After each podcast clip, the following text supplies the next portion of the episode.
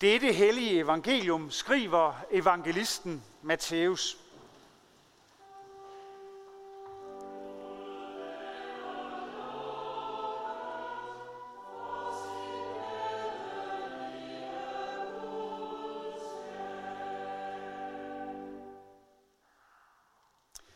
Da kom Peter til Jesus og spurgte, Herre, hvor mange gange skal jeg tilgive min bror, når han forsynder sig mod mig? Op til syv gange? Jesus svarede ham, jeg siger dig ikke op til syv gange, men op til 77 gange. Derfor, himmeriget ligner en konge, der vil gøre regnskab med sine tjenere. Da han begyndte på regnskaberne, blev en, der skyldte 10.000 talenter, ført frem for ham. Da han ikke havde noget at betale med, befalede hans herre, at han og hans kone og børn og alt, hvad han ejede, skulle sælges og gælden betales. Men tjeneren kastede sig ned for ham og bad, Hav tålmodighed med mig, så skal jeg betale dig det alt sammen. Så fik den tjeners herre medynk med ham og lod ham gå og eftergav ham gælden. Men da den tjener gik ud, traf han en af sine medtjenere, som skyldte ham 100 denar. Og han greb ham i struben og sagde, Betal, hvad du skylder. Hans medtjener kastede sig ned for ham og bad, Ha' tålmodighed med mig, så skal jeg betale dig. Det ville han ikke, men gik hen og lod ham kaste i fængsel, indtil han fik betalt, hvad han skyldte. Da hans medtjener nu så, hvad der var sket, blev de meget bedrøvet og gik hen og forklarede deres herre alt, hvad der var sket. Da kaldte hans herre ham for sig og sagde, Du onde tjener, alt den gæld eftergav jeg dig, da du bad mig om det. Burde du så ikke også forbarme dig over din medtjener, ligesom jeg forbarmede mig over dig? Og hans herre blev vred og overlod ham til bødlerne, indtil han fik betalt alt, hvad han skyldte. Sådan vil også min himmelske far gøre med hver eneste af jer, der ikke af hjertet tilgiver sin bror. Amen.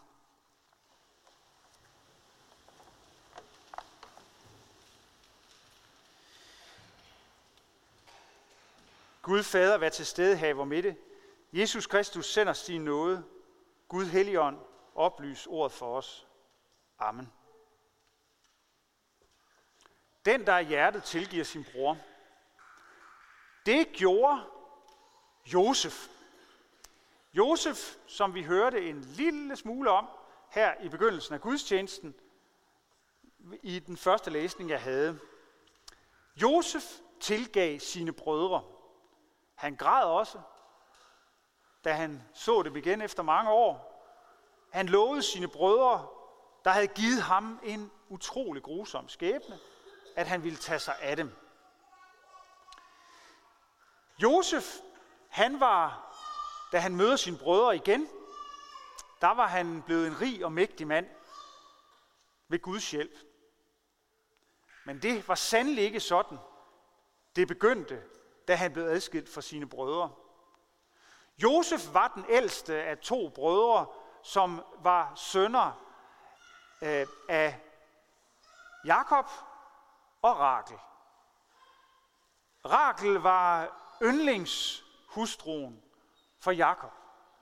Og selvom der var ti ældre brødre, så elskede Jakob sine to yngste brødre, Rakels børn, allermest.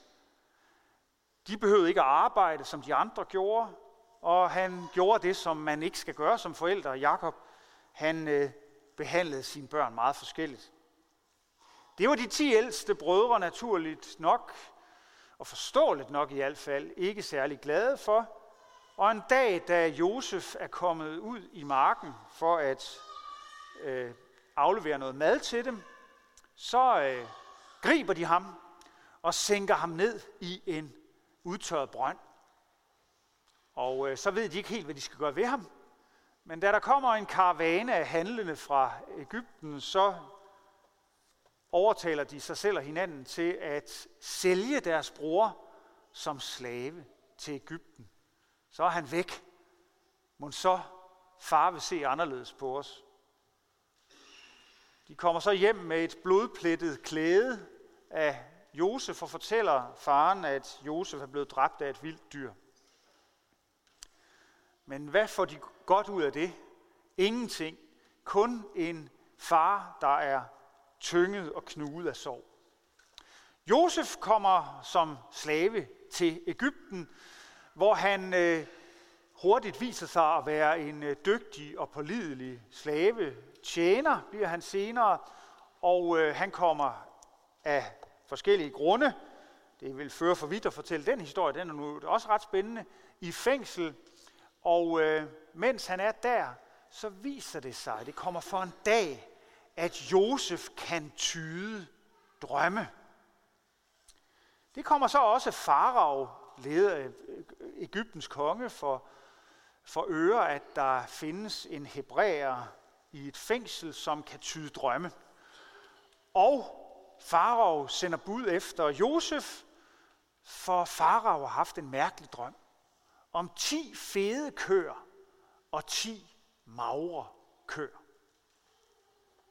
Josef hører på Faraos forklaring og tyder drømmen for ham. Han siger, der vil komme syv gode år, fede år. Det vil være frugtbart. I vil kunne dyrke alle mulige ting. Men derefter vil der blive hungersnød og tørke, og intet vil gro i syv år. Først de fede år, så de magre år. Da Farao hører det, tror han Josef på hans ord, og han beslutter at sætte Josef i spidsen for et stort projekt, som vil sørge for, at Ægypten har noget at stå imod med, når hungersnøden kommer. Og der bliver høstet, og der bliver bjerget masse ting i lade, og der bliver opbygget kæmpe reserver af korn. De syv år går, og tørken kommer. Men Ægypterne de har mulighed for at sælge korn til deres egen befolkning, og fra alle de omkringliggende lande kommer folk også. Og der er også hungersnød der, hvor Jakob bor med sine 11 sønner. Han sender sine sønner afsted.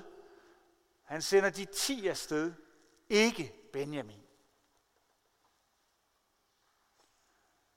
De kommer og får foretræde for Josef, Josef, som med det samme genkender sine brødre, mens de kun ser en fornem egyptisk mand, der i øvrigt taler egyptisk til dem. Han spørger dem indgående om, hvem de er, anklager dem for at være spioner, og spørger, om de er kommet alle sammen, og de fortæller, at de har været to brødre mere. Den ene er hjemme hos sin far, den anden er død og borte. Der siger Josef til dem, hvis jeg skal kunne stole på jer, vil jeg se den yngste bror. Og så lader han dem rejse, men holder Simeon, en af sønnerne, som gissel, mens de sendes hjem med korn og med alle deres penge oven i købet. De får at vide, da de kommer hjem, får Jakob at vide, at han skal sende sine sønner afsted igen, og denne gang med Benjamin, men det vil han ikke.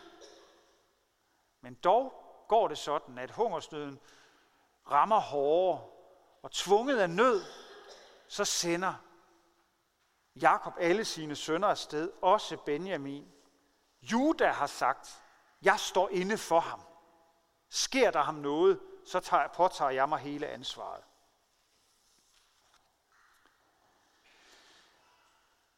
Da de kommer tilbage, så øh, ser Benjamin, og han genkender jo også med det samme sin lillebror Benjamin, øh, øh, da de kommer tilbage, genkender han Benjamin.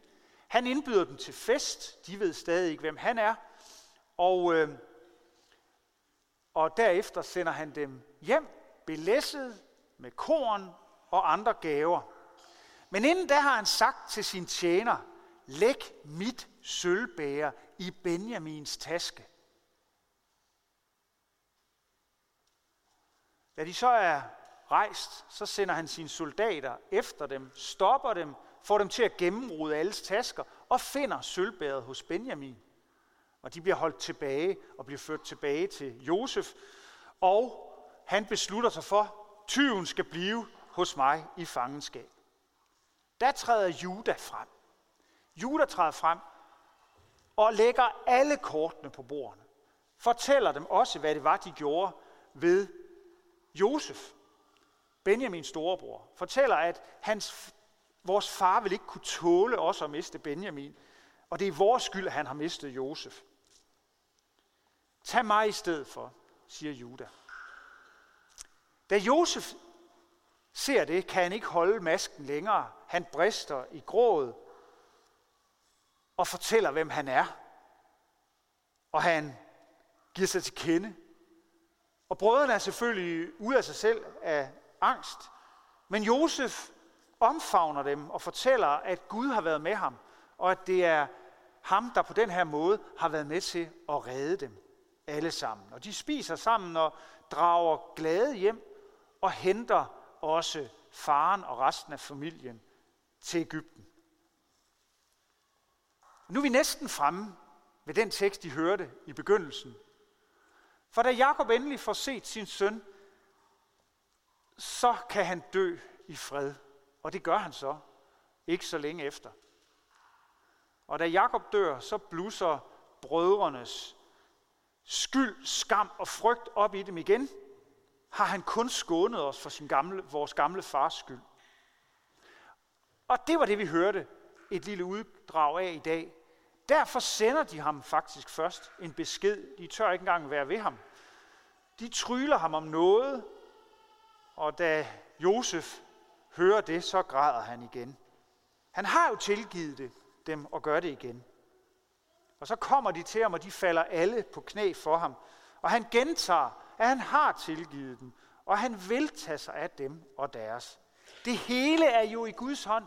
Jeg er ikke Gud, men Gud har vendt det onde til det gode, siger han til dem. Den her fortælling, som jeg har brugt lang tid på nu, den siger noget helt væsentligt om, hvad tilgivelse er. Den fortæller også noget om, at det kan være rigtig svært at blive tilgivet. Både stole på, at den, der tilgiver en, mener det, men også faktisk at tilgive sig selv. Det har brødrene utrolig svært ved. Og derfor må de alle, ikke kun som Juda gjorde først, men alle sammen stå frem, vedgå deres skyld og falde på knæ og tryle. Egentlig ikke, fordi Josef har brug for det, fordi han har jo ikke brug for at få deres anger en gang til. Det er dem selv.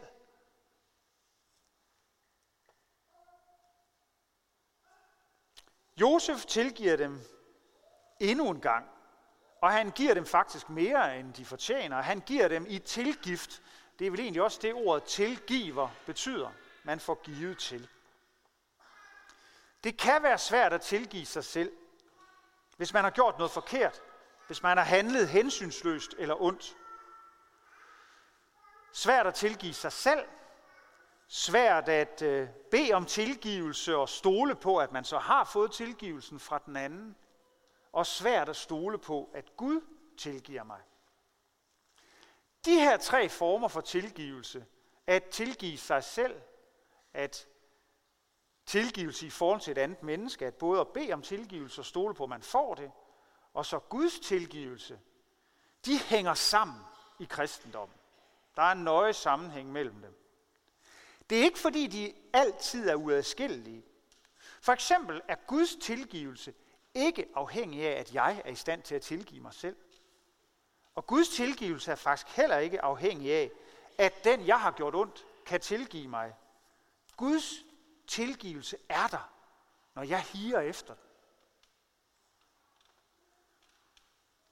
Ønsker jeg til Guds tilgivelse, der er det helt naturligt, at jeg vedgår min skyld, ligesom Juda gjorde, ligesom brødrene gjorde, og ønsker at modtage tilgivelse. Også fra det menneske, jeg har forrådt.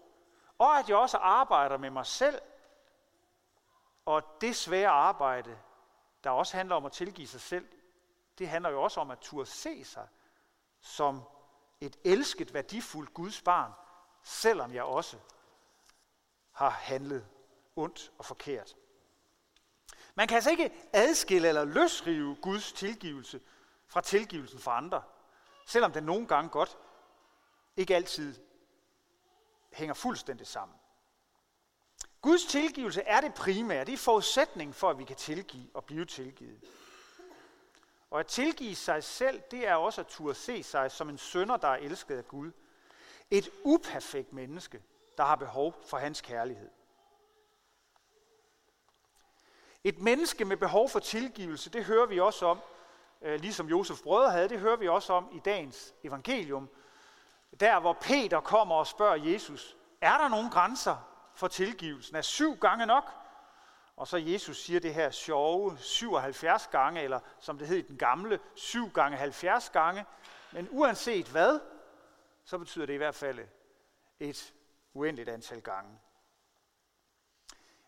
Manden her i lignelsen, som Jesus så fortæller Peter og de andre, han skylder et helt astronomisk beløb, 10.000 øh, talenter. Det er helt ubegribeligt mange øh, penge. Øh, og dem får manden eftergivet sådan, nærmest uden videre, blot fordi han beder om det. Guds tilgivelse i lyset af den her lignelse virker både urimeligt og vildt og vanvittigt og alt muligt. Der er nogen, der har prøvet at regne på, hvor meget det her, de her 10.000 talenter er. Og hvis man regner det om i 20'er, så er det vist noget med 600 millioner 20'er stablet oven på hinanden. Det ved jeg ikke, om man kan forestille sig. Det kan jeg faktisk ikke helt. Men sådan er Guds tilgivelse. Vild og fantastisk. Og stor. Men så er der jo det med den her mand. Han bliver tilgivet så ufatteligt meget, men han kan ikke selv finde ud af at tilgive. Har han så overhovedet modtaget tilgivelsen selv, kan man spørge. For når Gud elsker os, er vi også skyldige at elske hinanden. Når Gud tilgiver os, skal vi også gøre det. Og det er det, tjeneren her slet ikke forstår. Det er som om han slet ikke har taget det ind, at han har fået tilgivet alt det. Han er stadig smålig og rethaverisk og ubarmhjertig over for dem, der skylder ham et i forhold til det andet beløb ganske ubetydeligt beløb. Fordi Gud elskede os først, er vi skyldige at elske hinanden. Og i fader, hvor lyder det, forlad os vores skyld, som også vi forlader vores skyldner. Det har vi bedt sammen lige for lidt siden. Det hænger sammen. Når vi bliver tilgivet, skal vi også selv tilgive, og også kunne tilgive os selv, sådan som Josefs brødre havde så svært ved. Det er ikke nemt, hverken at tilgive sig selv, eller turde stole på andres tilgivelse, eller stole på Guds tilgivelse. Og også når vi har svært ved at tilgive andre, så er det godt at bede til Gud, forlad os vores skyld. Og så huske på, at Guds kærlighed til os skal vi dele med hinanden, og vi skal turde leve på den. Amen. Lov og tak og evig ære være dig, hvor Gud, Fader, Søn og Helligånd. Du som var, er og bliver en sand i Gud, højlovet fra første begyndelse, nu og i al evighed. Amen. Hellige Gud og himmelske Far, vi takker dig for det liv, du har givet os. Lær os at tage vare på jorden, som du har skabt, så vi ikke ødelægger den. Lær os at tage vare på hinanden, så vi ser hinanden som det, vi er, brødre og søstre. Vi takker dig for de medmennesker, som du har sat os iblandt. Og vi takker dig for Jesus Kristus, som blev vores bror, som levede, døde, op, døde og opstod for os, og for Helligånden, som er midt iblandt os, for dåben og for evangeliets lys og for dit nærvær, din velsignelse i nadvånd. Vi beder dig for din kirke, ud over hele jorden og her hos os i Herningssovn. Tag ikke nådens og sandhedens ord fra os, Bevar os alle i troen og den indbyrdes kærlighed. Lad håbet om dit komme leve i blandt os. Giv os trofaste ledere og forkynder dit ord. Forbarm dig over alle, der far vild. Og vi beder for dem, der bliver forfulgt, fordi de tror på dig. Vær med alle, der forfølges. Og lad dit evangelium komme ud til alle folkeslag. Vi beder for vores hjem og vores kære, for vores daglige liv med hinanden i arbejde og fritid. Vi beder dig om fred mellem nationerne og for folkenes regeringer. Skab du fred og forsoning og retfærdighed mellem israelere og palæstinensere. Vi beder dig om fred i Ukraine, i Syrien, i Irak, i Afghanistan, ja hvor som helst mennesker lever vendt mod hinanden. Og vi beder dig for Danmark, bevar os som et folk blandt folkene. Vi beder dig for al lovlig øvrighed, for alle med ansvar i vores samfund. Vi beder for dronning Margrethe og hele det kongelige hus, for regering, folketing, domstol, regionsråd og kommunalbestyrelse. Giv dem troskab og visdom til at forvalte deres magt og viden til værn for de svage og til gavn for alle. Men er hos fattige, forpinte og bedrøvede, mennesker, der sidder i fængsel og de, der er flygtet fra deres hjemland. Vær nær ved forladte og ensomme, dem, der mangler det nødvendigste til livets ophold, syge, dem, der skal dø, dem, der har mistet. Forbarmt over os alle, giv os ikke løn som forskyldt, men fri os fra det onde, og lad os på den yderste dag få lov at opstå med Kristus og evigt takke dig ved din elskede søn, Jesus Kristus. Amen. Og jeg rejse sig, hvor Herre Jesu Kristi nåde, Gud vor Faders kærlighed og Helligåndens fællesskab være med os alle. Amen.